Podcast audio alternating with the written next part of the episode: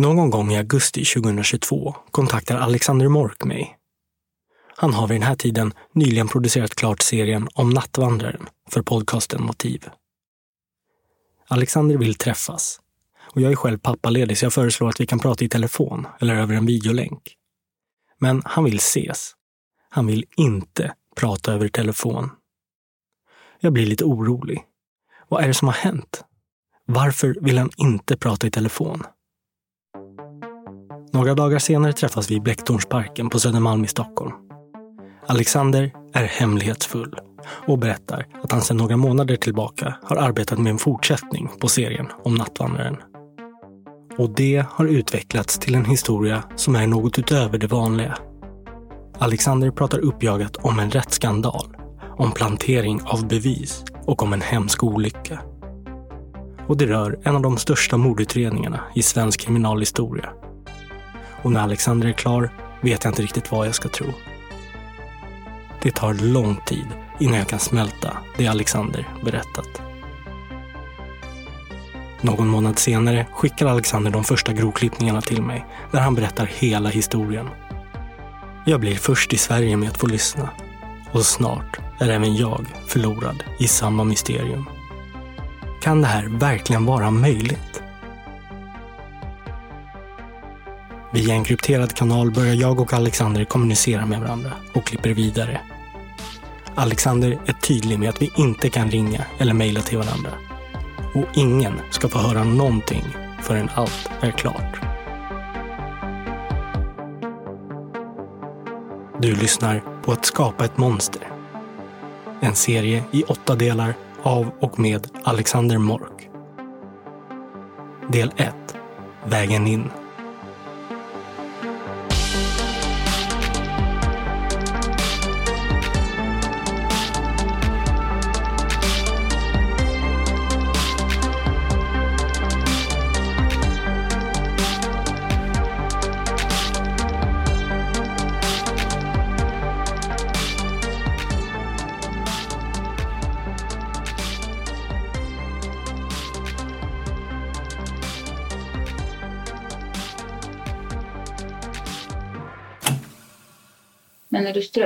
Hur gjorde du med händerna? Hur höll du händerna? Så. Tummarna mot varandra. För att hon blir livlös så använder du dig av händerna och stryper henne. Mm. Men jag, jag bara vill fram, om du redan då hade tagit till repet och dragit till henne som blev livlös, eller hade du använt händerna som blev livlös? Jag producerade nyligen en psykologisk thriller som heter Nattvandraren. Och även om det här är en fristående fortsättning på den serien så ska jag inledningsvis ge er lite bakgrundsinformation. För den här dokumentärserien, Att skapa ett monster, tog sin början i samband med produktionen av Nattvandraren där vi får ta del av de förhör som kriminalinspektör Monica Olhed höll 1997 med en 35-årig man vid namn Bengt Karlsson. Det här var ju ett väldigt speciellt ärende. Man kan inte säga att det är likadant i alla fall när det gäller mord. Det här var ju ett rent överfallsmord. Det, är ju ingen, det här var ju ingen eh, kriminellt eh, belastad, det var ju ingen organiserad kriminell som rör sig i de kretsarna, utan det var en annan typ av människa. Han var vid tidpunkten för förhören helt okänd för polisen och fanns inte med i några belastningsregister. Men under förhören, i samband med en kvinnas försvinnande, så avslöjar Bengt Karlsson ett liv fyllt av grova brott. Han erkänner två kvinnomord, ett mordförsök, flera övergrepp och våldtäkter.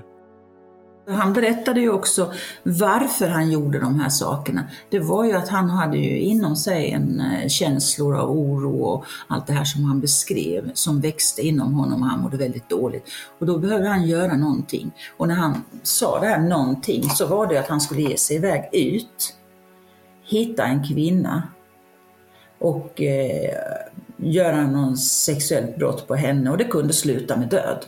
Det sa han ju. Och då beväpnade han sig med snöre och kniv. Så att när han hade gjort det här sen, de här brotten, då tyckte han att då mådde han bra. Så att det var liksom en sån handling som nu mår jag dåligt, nu ska jag ut och göra det här och sen är det över. Och sen kommer nästa gång när han mår lika dåligt. Kriminalinspektör Monica Olhed, som höll förhören med Bengt Karlsson, är en av våra mest berömda förhörsledare. Hon har förhört några av de värsta mördarna i svensk historia. Som förhörsledare är Monica känd för sitt tålamod inne i förhörsrummet, där hon sällan dömer den misstänkte, utan istället ger denne tid att få berätta om sitt liv och ransaka sig själv. Det är tanken på Ilda. Men eh, Bengt, det här som du binder henne med, tog du det med dig ifall det skulle behöva stå för Det har jag, vind? har jag aldrig haft i jackan. Har du det i jackan? Jag har alltid haft det i jackan. Ja. Mm. Vad var det för typ av rep? Precis Om du beskriver. Det som att man har ett vitt, som vi kallar för plastrep. Och sen gick det fort sa du, sen hoppade du på henne nästan direkt. Fan, jag satte mig över hennes ben. Satte mig på magen. Du satte det på hennes mage.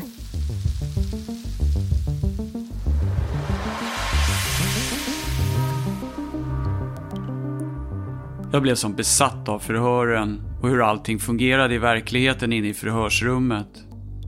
Det var inte alls som jag hade upplevt det tidigare, hur det hade skildrats i filmens värld. Första gången jag lyssnade på förhören visste jag ingenting om brotten. Tredje gången var det en helt annan historia som utspelade sig. Jag är, väldigt imponerad av ditt sätt att liksom tackla alla vändningar och som du får hantera som förhörsledare. Liksom att man ställs inför fruktansvärda detaljer och samtidigt så måste man liksom hålla tråden och, och, och, och köra vidare på något sätt. Så hur, hur förbereder man sig för det? Får man liksom med här, jobbet hem efteråt? Eller liksom hur, hur kan man separera att sitta i det där rummet med en, med en, med en, med en iskall mördare och eh, ja, gå hem sen?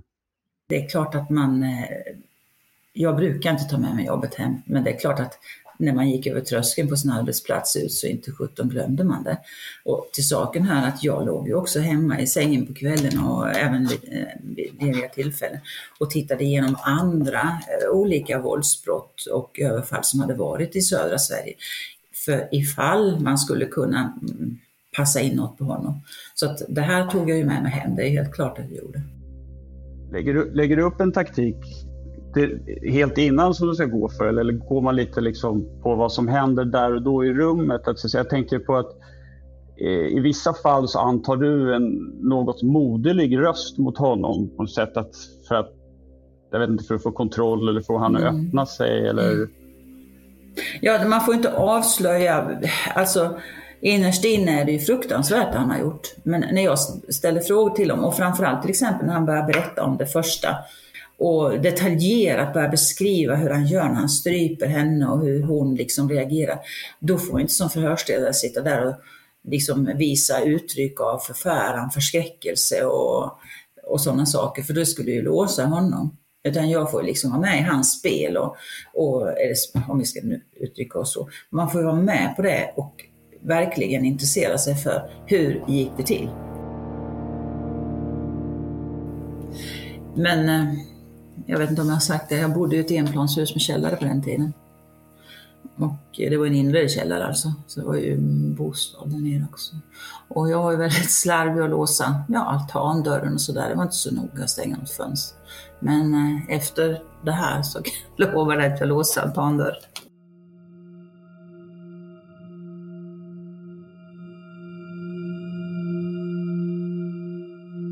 Snart satt jag också, precis som Monica, uppe på nätterna och sökte efter något i förhören. Det var tungt att lyssna på och att arbeta med. Jag hamnade djupt inne i psyket på en kriminalinspektör och en brutal och hänsynslös mördare. Jag blev berörd, tagen, skräckslagen efter att ha lyssnat på detaljer om brott som aldrig går att radera från mitt minne. Men något annat hände också. Efter att ha lyssnat på förhören om och om igen så hade jag plockat upp en hel del detaljer om den dömde mördaren Bengt Karlssons tillvägagångssätt. Hans modus operandi. Han uppgav att han alltid hade haft en kniv och ett rep i fickan sedan tidig ålder. Han cyklade ofta när han begick brotten. Han samlade troféer från sina offer.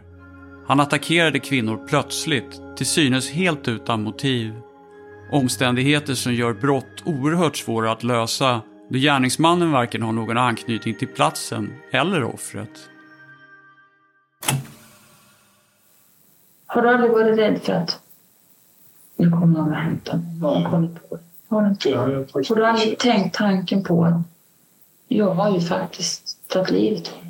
Det var väl kanske i början det fanns tanken va, men att det kunde hända nej. Så jag tänkte nej. Sen var det bara liksom, Sen la du locket på. ja. Under arbetet med serien Nattvandraren var det en detalj som hade etsat sig fast i minnet. Något som chockade mig. Och det var att det var bara jag och kriminalinspektör Monica Olhed som verkligen hade lyssnat på själva inspelningarna från förhören. För det är en stor skillnad att lyssna på ett förhör och att läsa om ett förhör. Satt du ensam i förhören med någon gång eller satt Alla du förhör. hela satt- tiden? Nej, nej, nej. Christer Magnusson var med då första förhöret. Sen var jag själv i alla förhören. Oj. Idag rekommenderar de att man är två för att en ska liksom sen skriva egentligen. Att du inte ska skriva utan att någon annan ska skriva ihop det för att, eh, ja. Ja, det är ju en sanning. Så egentligen så är det bara du som har tittat eller som har förhört honom och sett vad han har svarat i, i de förhören som jag har lyssnat på, eller? Det är bara du och jag som Nej. har i stort sett. Ja, ja de som har alla som läst har läst det, alla som har fått ta del av fuppen. Och va, efter varje förhör så träffar man ju de Mm. andra och så går man igenom vad som har kommit fram i förhören. Men det är ju helt rätt. Men det här med att man håller ett förhör så är det ju ofta så att det lämnas iväg för utskrift. Men håller man ett förhör eh, som spelar in allt man säger, så kallat dialogförhör, då är det ju ofta förhörsledaren själv som skriver. Så är det ju. Det är ju sällan den biträdande förhörsledaren skriver ut. Ibland kan det vara så. Ni kanske kan höra min förvåning när Monica berättar att hon höll förhören själv. För det innebar att Monikas kollegor bara hade läst övergripande sammanfattningar av förhören. Jag hade lyssnat på dem om och om igen. På joggingrunder, vid matlagning, vid nattning. Jag insåg att jag hade plockat upp detaljer och nyanser som kanske inte ens polisen hade noterat. Men om du får jobba på det här sättet som du håller på och plocka fram minnesbilder och närma dig händelser mer och mer. ja, men mål kan jag nästan säga till hundra procent att jag inte har varit med. Lite mål var det som jag kan minnas, men kanske något i närheten. Alltså, men mål, eh, typ strykning och sånt, det kan jag inte minnas. Alltså, Men du utesluter inte det? Men jag ju inte utesluta det längre. Det är det som är skrämmande. Det är det jag är rädd för ju. Det här med att han inte vill minnas, han minns inte fler brott och så vidare. Han körde med det också. Han sa ju det, kan du säga årtal och sådana saker. Det här tolkar jag hela tiden med, han vill inte berätta. Han vill ju såklart veta vad vet polisen, vad vet vi? Jag tror inte han ville berätta, även om han visste att det fanns fler saker. Och då använde han det. Kände du hela tiden att han fiskade efter vad du visste? Ah, nej, nej, jag vill inte påstå att han hela tiden fiskade efter det. Det tror jag inte, nej. Han försökte nog bara hålla inne berättelsen så länge som möjligt, tror jag. Och när serien Nattvandraren var klar lämnades jag med en känsla av att jag själv inte alls var färdig. En känsla av att det kunde finnas mer att utforska. Ni vet en sån där tanke som inte riktigt går att släppa. Jag kunde helt enkelt inte sluta fundera över om det fanns andra oblösta brott som jag kunde hitta. Baserat på all den kunskap jag hade fått om Bengt Carlssons modus operandi efter att ha lyssnat på förhören så många gånger. Jag var också inne i en period då jag visste mycket om fallen och tidsperioden efter all research. Så jag bestämde mig för att fortsätta intervjua kriminalinspektör Monica Olhed. Men med en stor skillnad. Den här gången antog jag själv rollen som utredare. Det var ett sätt att få införliva en barndomsdröm, att få leka utredare på verkliga fall. Nu fungerar det. Ja, vad bra, vad trevligt. Ja. Eh, Hej, har du haft det bra sen vi hörde senast? Absolut, absolut. Ja. Jag jobbar ju en del fortfarande och har klarat av corona och allt möjligt. Förra gången jag pratade med dig så jag ska bara göra det här så är jag färdig sen. Men är det svårt att sluta? Är det fortfarande roligt att jobba? Ja, jo det är det. Men det är så här att det är pengarna det handlar om hos polisen. För att sist vi pratades vid, då skulle vi jobba klart våra ärenden som vi hade i den där så kallade seniorgruppen. Cold Det fanns ju case-fall då? Nej, absolut inte, utan det var Mm. färska ärenden.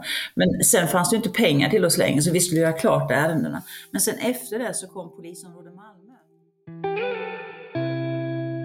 Det var egentligen bara ett tankeexperiment. En nyfikenhet som behövde stillas. När vi pratade förra gången så hade jag liksom lyssnat på förhören och försökte komma in i ditt psyke och försöka förstå vad som hände där och då i förhörsrummet. Och nu har ju du lyssnat på liksom, och då är jag ju väldigt nyfiken. Vad, vad kände du när du lyssnade? Jag tyckte det var väldigt intressant att lyssna på förhöret fastän jag själv höll det. Det var väldigt intressant, tyckte jag.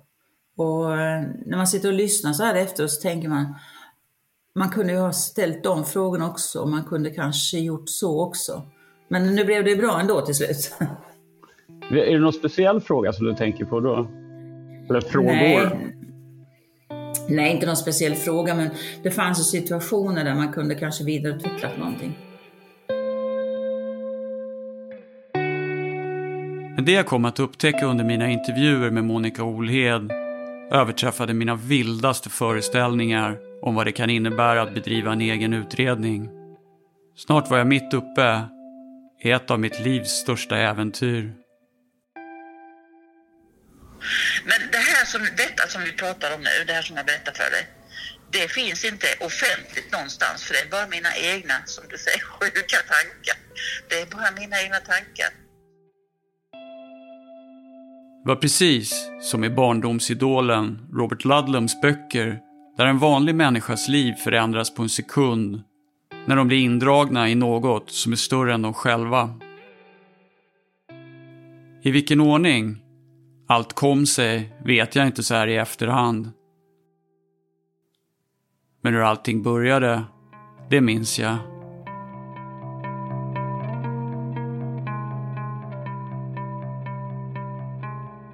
Om man tittar så här bak i efterhand och, och jag, alla människor har väl en tendens att resa tillbaka i tiden och göra olika val rent mentalt även fast det inte går.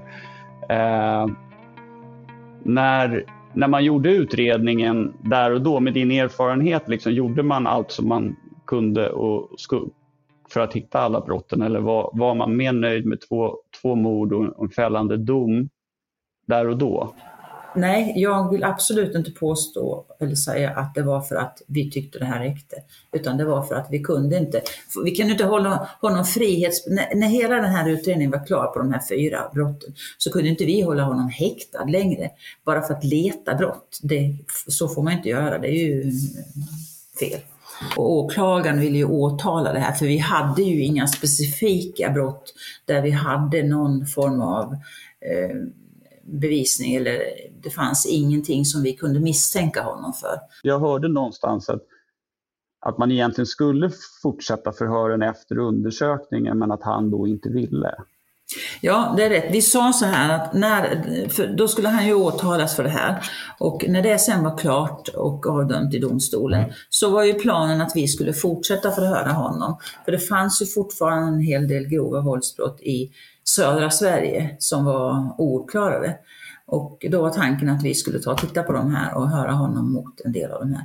När ska ni komma? Ja, det blir längre fram, så här. Och det var ju samma sak där igen. Då stod han mitt emot mig och så pekade han med handen som han alltid gjort så här. Och då Monica, då blir det så här. Då ska du tala om för mig vad jag är misstänkt för. Då ska inte jag berätta först. Det här får ju mig att känna att det kunde vara mer ändå i alla fall, som man kunde berätta.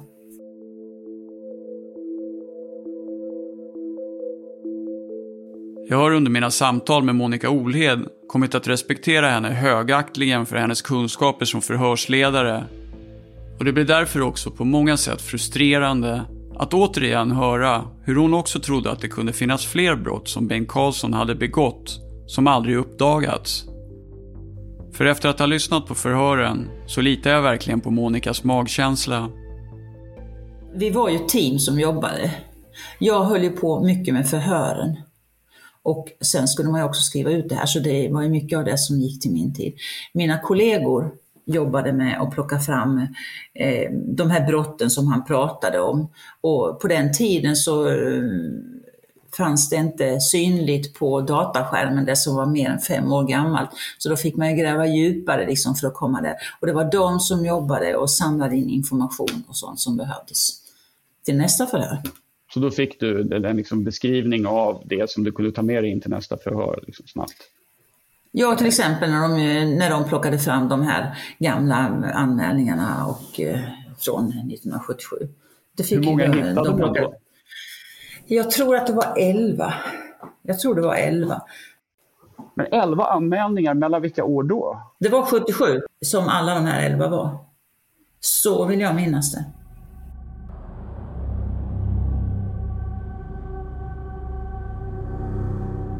De elva övergreppen 1977 som Monica nämner bestod till en början av att hota prostituerade med kniv för att slippa betala. Övergreppen övergick sedan till att överraska kvinnor i motionsspår eller under gångtunneln på motorvägen. Efter att brotten uppdagats placerades Bengt Karlsson på det gamla sinnessjukhuset Sankt Lars i Lund under fyra månader. Sjukhuset hade börjat ta emot ungdomar i slutet av 60-talet, men det fanns fortfarande 1977 inga utarbetade program för hur man skulle hjälpa unga män som begått sexuella övergrepp.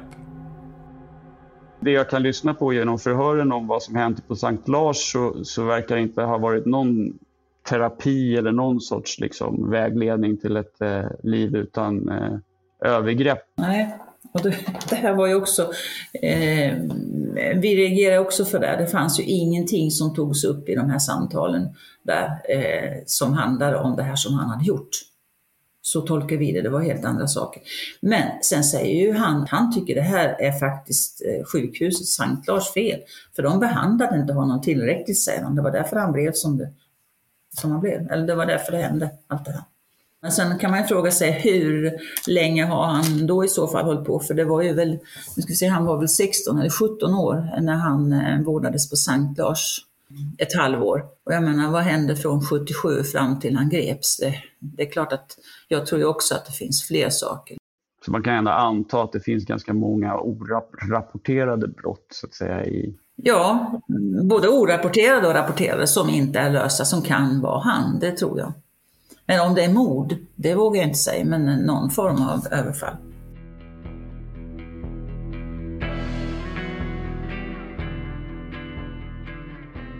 Polisen i Kristianstad hade ambitionen att utreda Bengt Karlsson vidare, men de verkar inte ha kommit särskilt långt i någon utredning. Bengt Karlsson hade aldrig varit misstänkt för några brott tidigare och polisen hade bara hans egna erkännanden att gå på. Andra eventuella brott som kunde ha begåtts kunde också ha skett inom olika geografiska områden i Sverige, mellan olika polisdistrikt. En omständighet som komplicerar utredningar och gör det svårt att finna gärningsmannen. Inget material fanns heller digitalt 1997, vilket gör det svårare att dela utredningar. Samtidigt skulle Bengt Karlsson ändå dömas till livstidsfängelse för sina erkännanden under förhören. Och därför var alla ytterligare undersökningar man företog en onödig kostnad. Över åren har Bengt Karlssons namn dykt upp i samband med flera olösta brott, men det har aldrig lett till någon vidare utredning. Vad skulle det krävas idag för att starta en utredning om det finns fler brott som har begåtts? Jag tänker på att det kan finnas anhöriga till offer som vill veta som har hänt och som förtjänar att få veta vad som har hänt med nära och kära. Ja, alltså det måste ju finnas någon form av eh, saker, bevisning som pekar på att det är han. Att han blir misstänkt, skäligen misstänkt så att han når upp till den nivån. Det måste finnas. Kanske att någon som lyssnar har information som de kan komma med.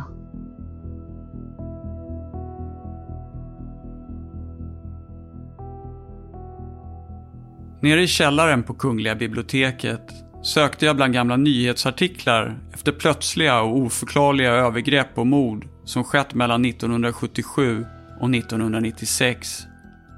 där gärningsmannen varit grov i munnen, pratat snuskigt, använt kniv, rep, strypt, knäat eller suttit på sina offer.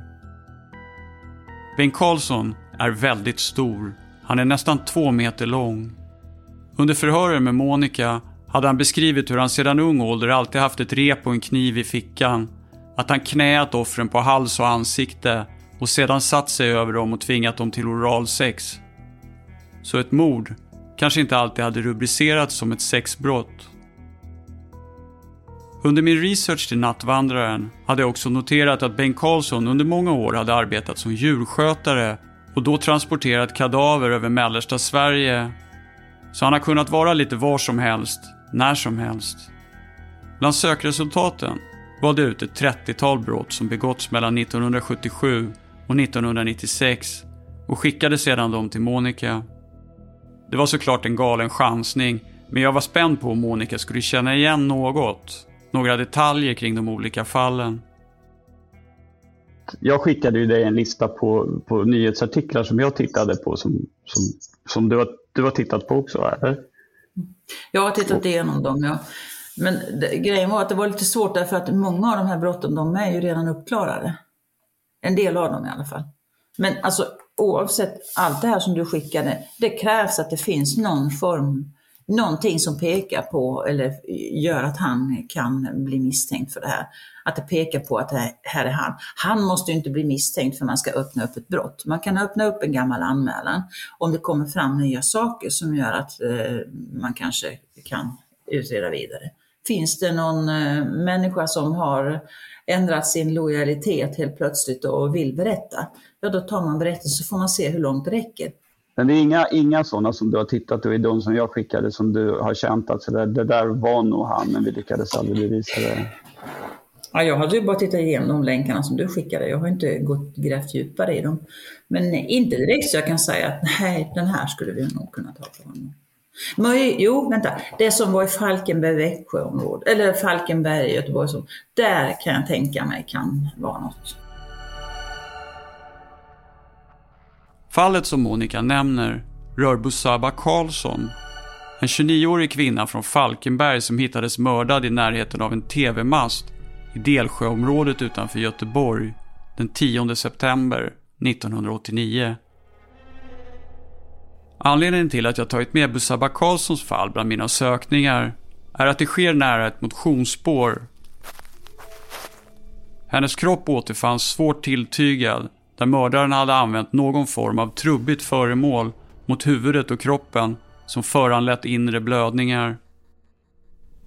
En del av hennes ägodelar hade spridit längs riksväg 45 en metod som Bengt Karlsson använt sig av vid andra brott han erkänt under de förhör som jag har lyssnat på. Kanske för att utöka brottsplatsen eller för att sätta sin egen signatur på mordet. Än idag är mordet på Busabba Karlsson olöst. Nej men alltså det tänkte vi också då ju, för jag kommer ihåg att framförallt Göran jobbade också en del med det här, Busaba. Men vi kom ju aldrig längre. Vi kunde liksom inte på något sätt koppla det till honom. Eller det, det fanns liksom ingenting att gå på då. Hans bästa vän bodde ju i Falkenberg, så han borde ju ha varit ja. i Falkenberg rätt ofta. Han jobbade på ett hotell eller någon Precis. nattklubb där ja, också. Som, som, som vakt. Mm. Som någon form av vakt eller inkastare eller utkastare eller vad det var. Det, så där kan jag tänka mig, där, där hade vi också tankar på att det kunde vara han. Men vi kom aldrig så långt. Vi, vi kunde inte nå fram så långt att vi kunde delge honom misstanke. Bengt Karlsson arbetade som vakt på Stadshotellet i Falkenberg, där även Busaba arbetade och Monica och hennes kollegor försökte därför få fram loggar på om Bengt Karlsson hade arbetat den kvällen då Busaba Karlsson försvann. Du vet ju själv, man försöker ta fram hur han har jobbat, var han har jobbat. Men det stämmer ju inte alltid. Jag menar, även om du har en stämpelklocka eller du själv, du kan ju bara registrera tiden och säga att du ska ut på ett ärende. Alltså, förstår du? Det, därför det här var åtta år senare också som ni Ja, och det, det kunde man inte få fram allting heller. Mm. Nej, men ju, det var intressant för oss också, och det kommer jag ihåg. Och jag tänker precis som du, att när han tar livet av eh, det var Marie först och sen Karina. Då har han något tidigare såklart. Och det hade han ju, för han hade ju de här försöken i Halmstad. Och det kunde ju lika gärna blivit mord, för det var ju bara ren tur att de här överlevde. Framförallt hon i den här mm, ja, grönområdet där. Det var ju bara ren tur att hon överlevde. Vi vet ju att han rörde sig i södra och västra Skåne rätt så mycket och även i östra. Men att han rörde sig mellan Sverige är ingenting som vi känner till. Jag tror däremot inte att han har rört sig i Stockholm. Men jag vet ju inte det. Men Göteborg misstänkte du? Ja, Göteborg, vi hade, Malin, jag kommer ihåg det här mordet på kyrkogården. Det hade vi lite i åtanke då ju. Men vi kunde ju inte få fram så mycket så vi kunde liksom delge honom någon misstanke om det.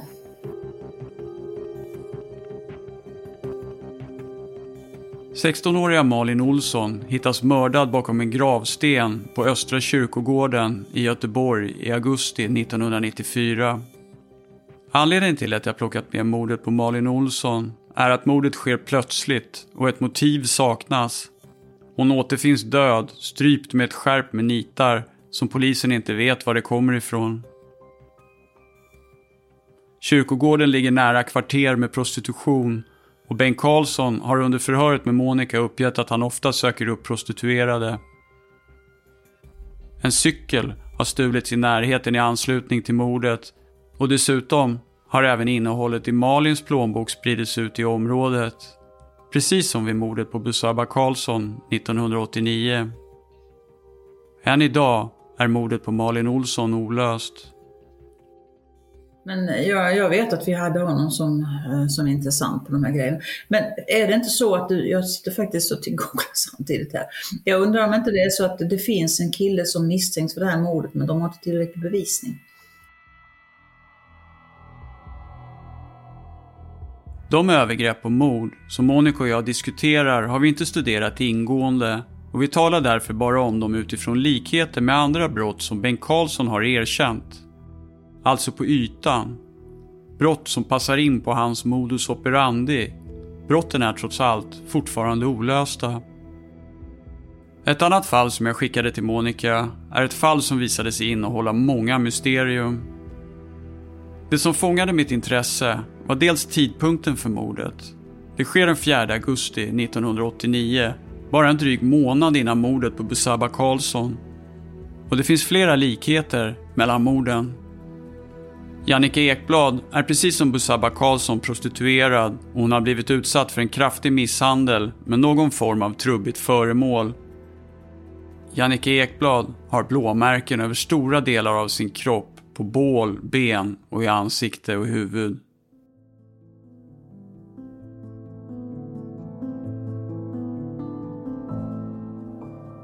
–1989 är Jannica Ekblad 26 år och hon bor i Malmö.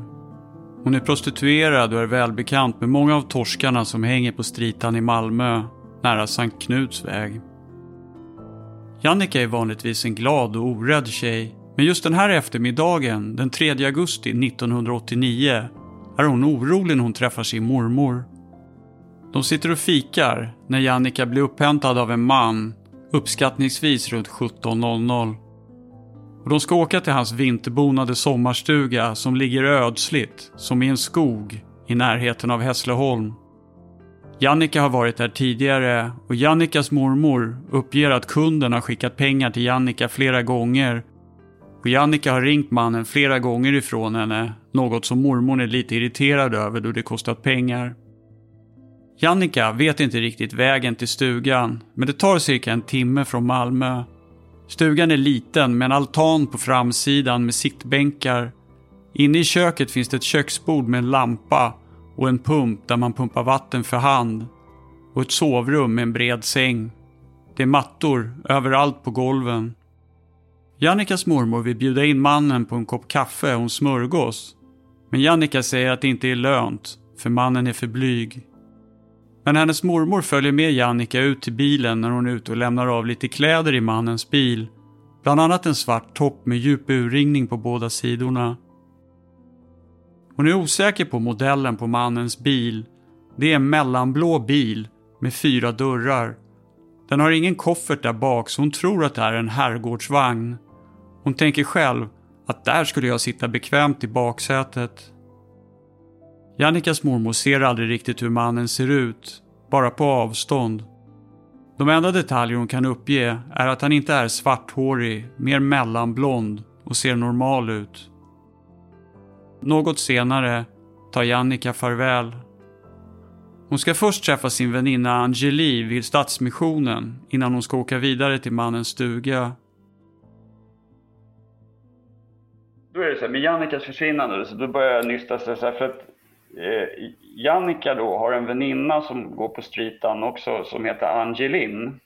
Ja. Som förhörs. Om, om, Ja, om hon är god vän med Jannica och pratar, hon har ringt och Mm. varit liksom stressad Mm. och, och Mm. bekymrad över någonting. Så Mm. man kan väl säga att Jannica är eh, ganska, hon är rädd för någonting Mm. den här dagen. Ja, just det.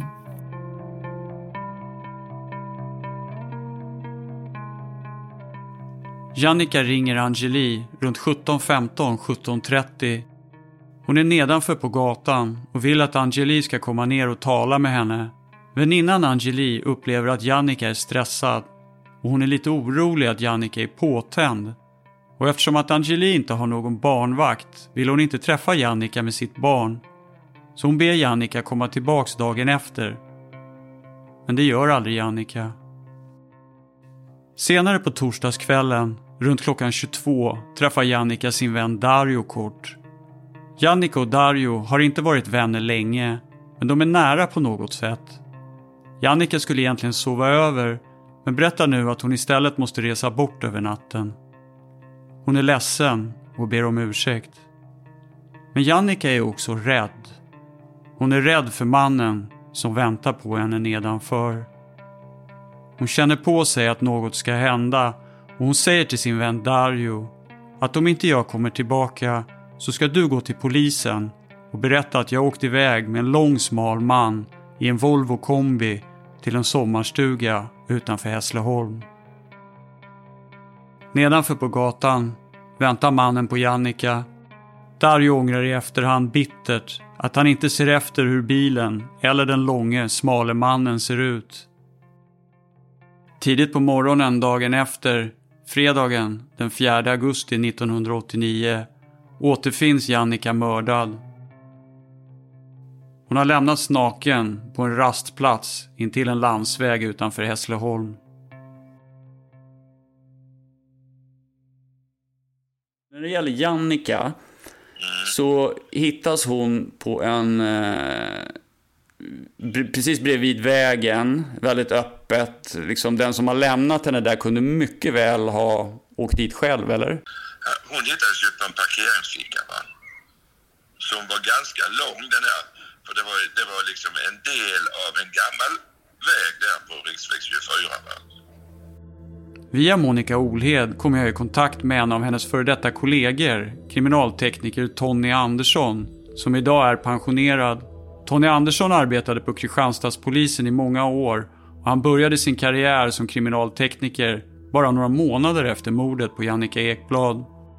Den här fickan du vet. Ja, för att han skulle bli sedd där. då var du tvungen till att åka av och åka in på den här, den här eh, vägstumpen där hon låg va.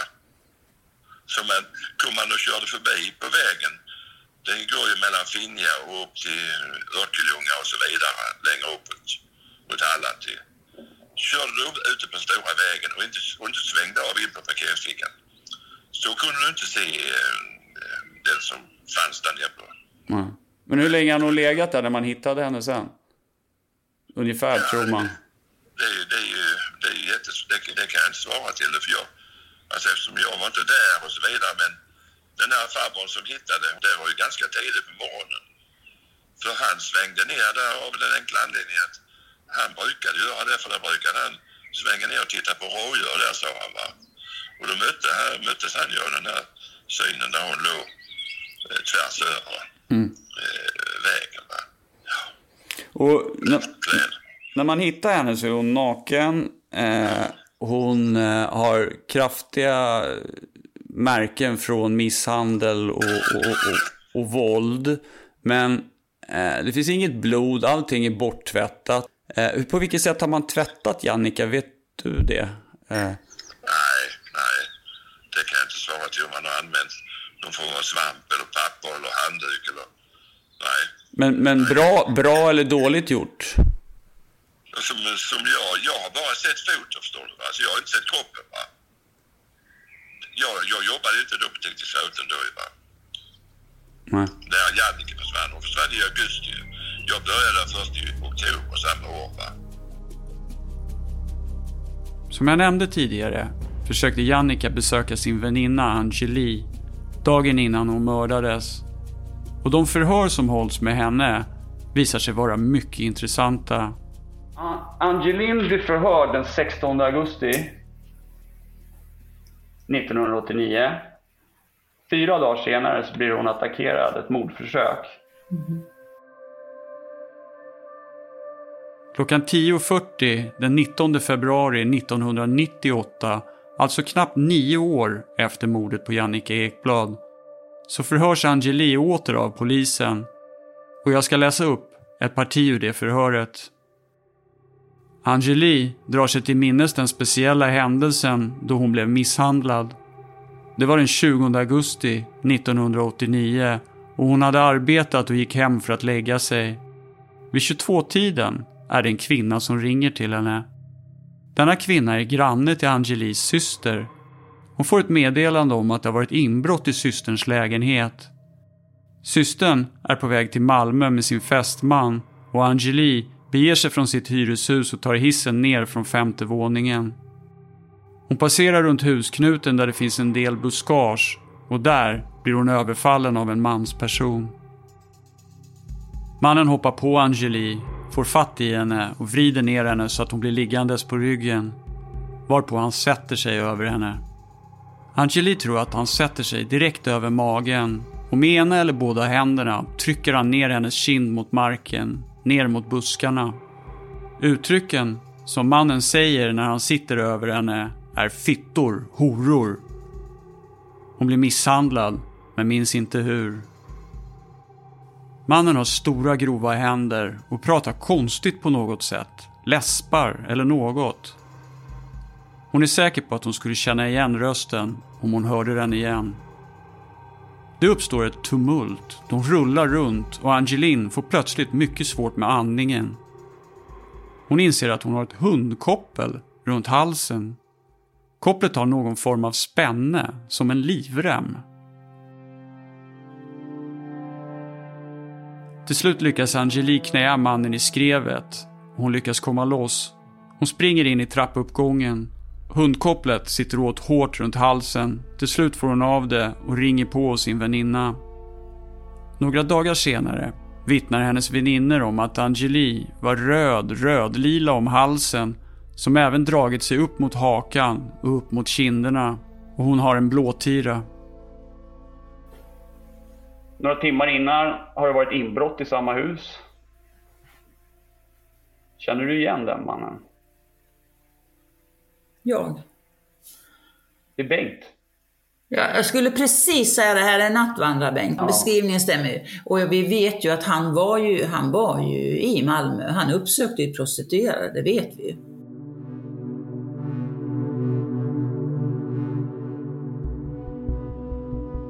Anledningen till att jag reagerar så starkt på mordförsöket är att det är precis det här tillvägagångssättet jag har sökt efter bland ouppklarade brott som påminner om Bengt Carlssons modus operandi. Den som försöker mörda Angeli sätter sig på henne, försöker strypa henne och är grov i munnen.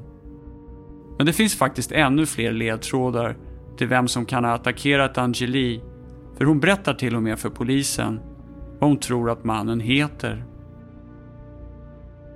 Jag ska läsa upp ännu ett parti från förhöret med Angeli angående mordförsöket som hon utsattes för.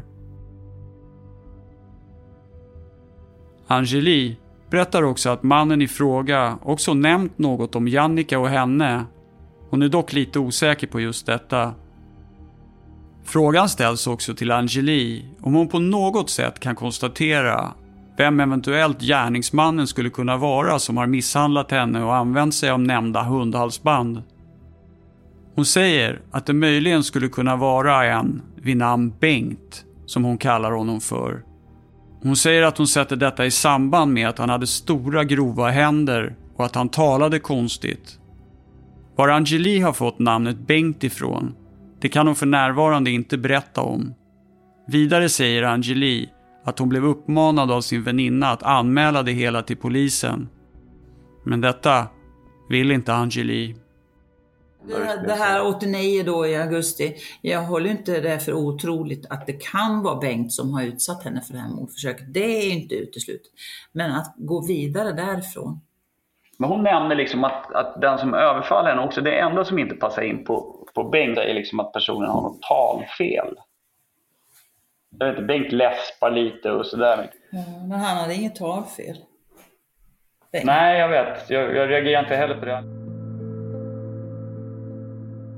Ett vittne i polisutredningen om mordet på Jannica Ekblad utsätts för ett mordförsök och det nämns att man inte ska tala om Jannica.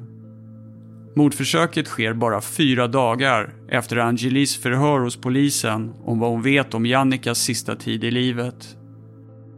Efter att ha läst förhören med Angeli anser jag att det finns anledning att utreda Bengt Karlssons eventuella inblandning i mordförsöket. Det fullständigt kryllar av Bengts modus. Och i samband med mordförsöket nämner Angeli till och med namnet Bengt. Det som jag har som något sorts hopp för att kunna starta någon liksom, form av utredning eller få ta det här vidare, det är ju egentligen det här förhöret som jag nämnde med Angelin och mordförsöket på henne.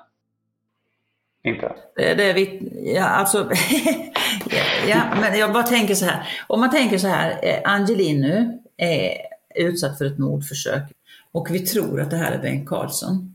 Bengt Karlsson han har redan fått den, den domen, han kan inte få mer straff. Alltså först får man tänka sig varför ska man öppna upp det här? Det är klart att man öppnar upp ett mordförsök, även om det är gammalt. För att, frågan är preskriptionstiden, den är ju borta nu. Men mordförsök, hur såg det ut då? Preskriptionstiden där. Mm.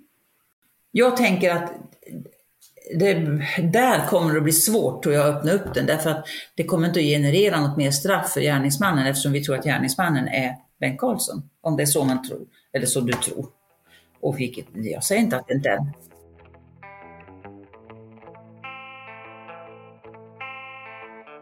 Som ni hör så kanske Monica skulle kunna hålla med mig om att det skulle kunna vara Bengt Karlsson som Angeli beskriver från mordförsöket och att han därmed även kan vara inblandad i mordet på Jannica Ekblad. Eftersom att Angeli är ett vittne i den polisutredningen och mannen säger att Angeli inte ska tala om Jannica och henne. Men det finns också en annan omständighet som gör att jag aldrig kommer kunna övertyga Monica om det. Ett mycket övertygande argument det var ett mord i Hässleholm som jag skickade till dig också. Hässleholm? Ja, men det var väl Jannica-mordet. Det var väl hon som hittades naken. Det var, var Jannica. Ja, kanske det var. Det, kanske ja, det, var. det är Ulf Olsson ja, som ja, gjorde det. Ja, Olsson, just det. Ja. Mm. Mm. För trots alla tecken på att det kan vara Bengt Karlsson som omnämns av vittnet Angeli så har jag uppenbarligen misstagit mig. Jag kanske ser spöken.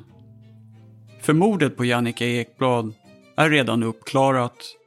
Mördaren är dömd och kriminalinspektör Monica Oled var med under polisutredningen 2004 och hon var en bidragande orsak till att man hittade Jannikas mördare. Hon höll till och med flera av förhören med honom. Och i samma sekund öppnas istället dörren till en enorm labyrint. Mannen som är dömd för mordet på Jannica Ekblad heter Ulf Olsson. Och han är även dömd för att ha våldtagit och mördat det tioåriga barnet Helene Nilsson i Hörby i mars 1989. Jag tar ett steg in genom den öppna dörren och kliver in i labyrinten.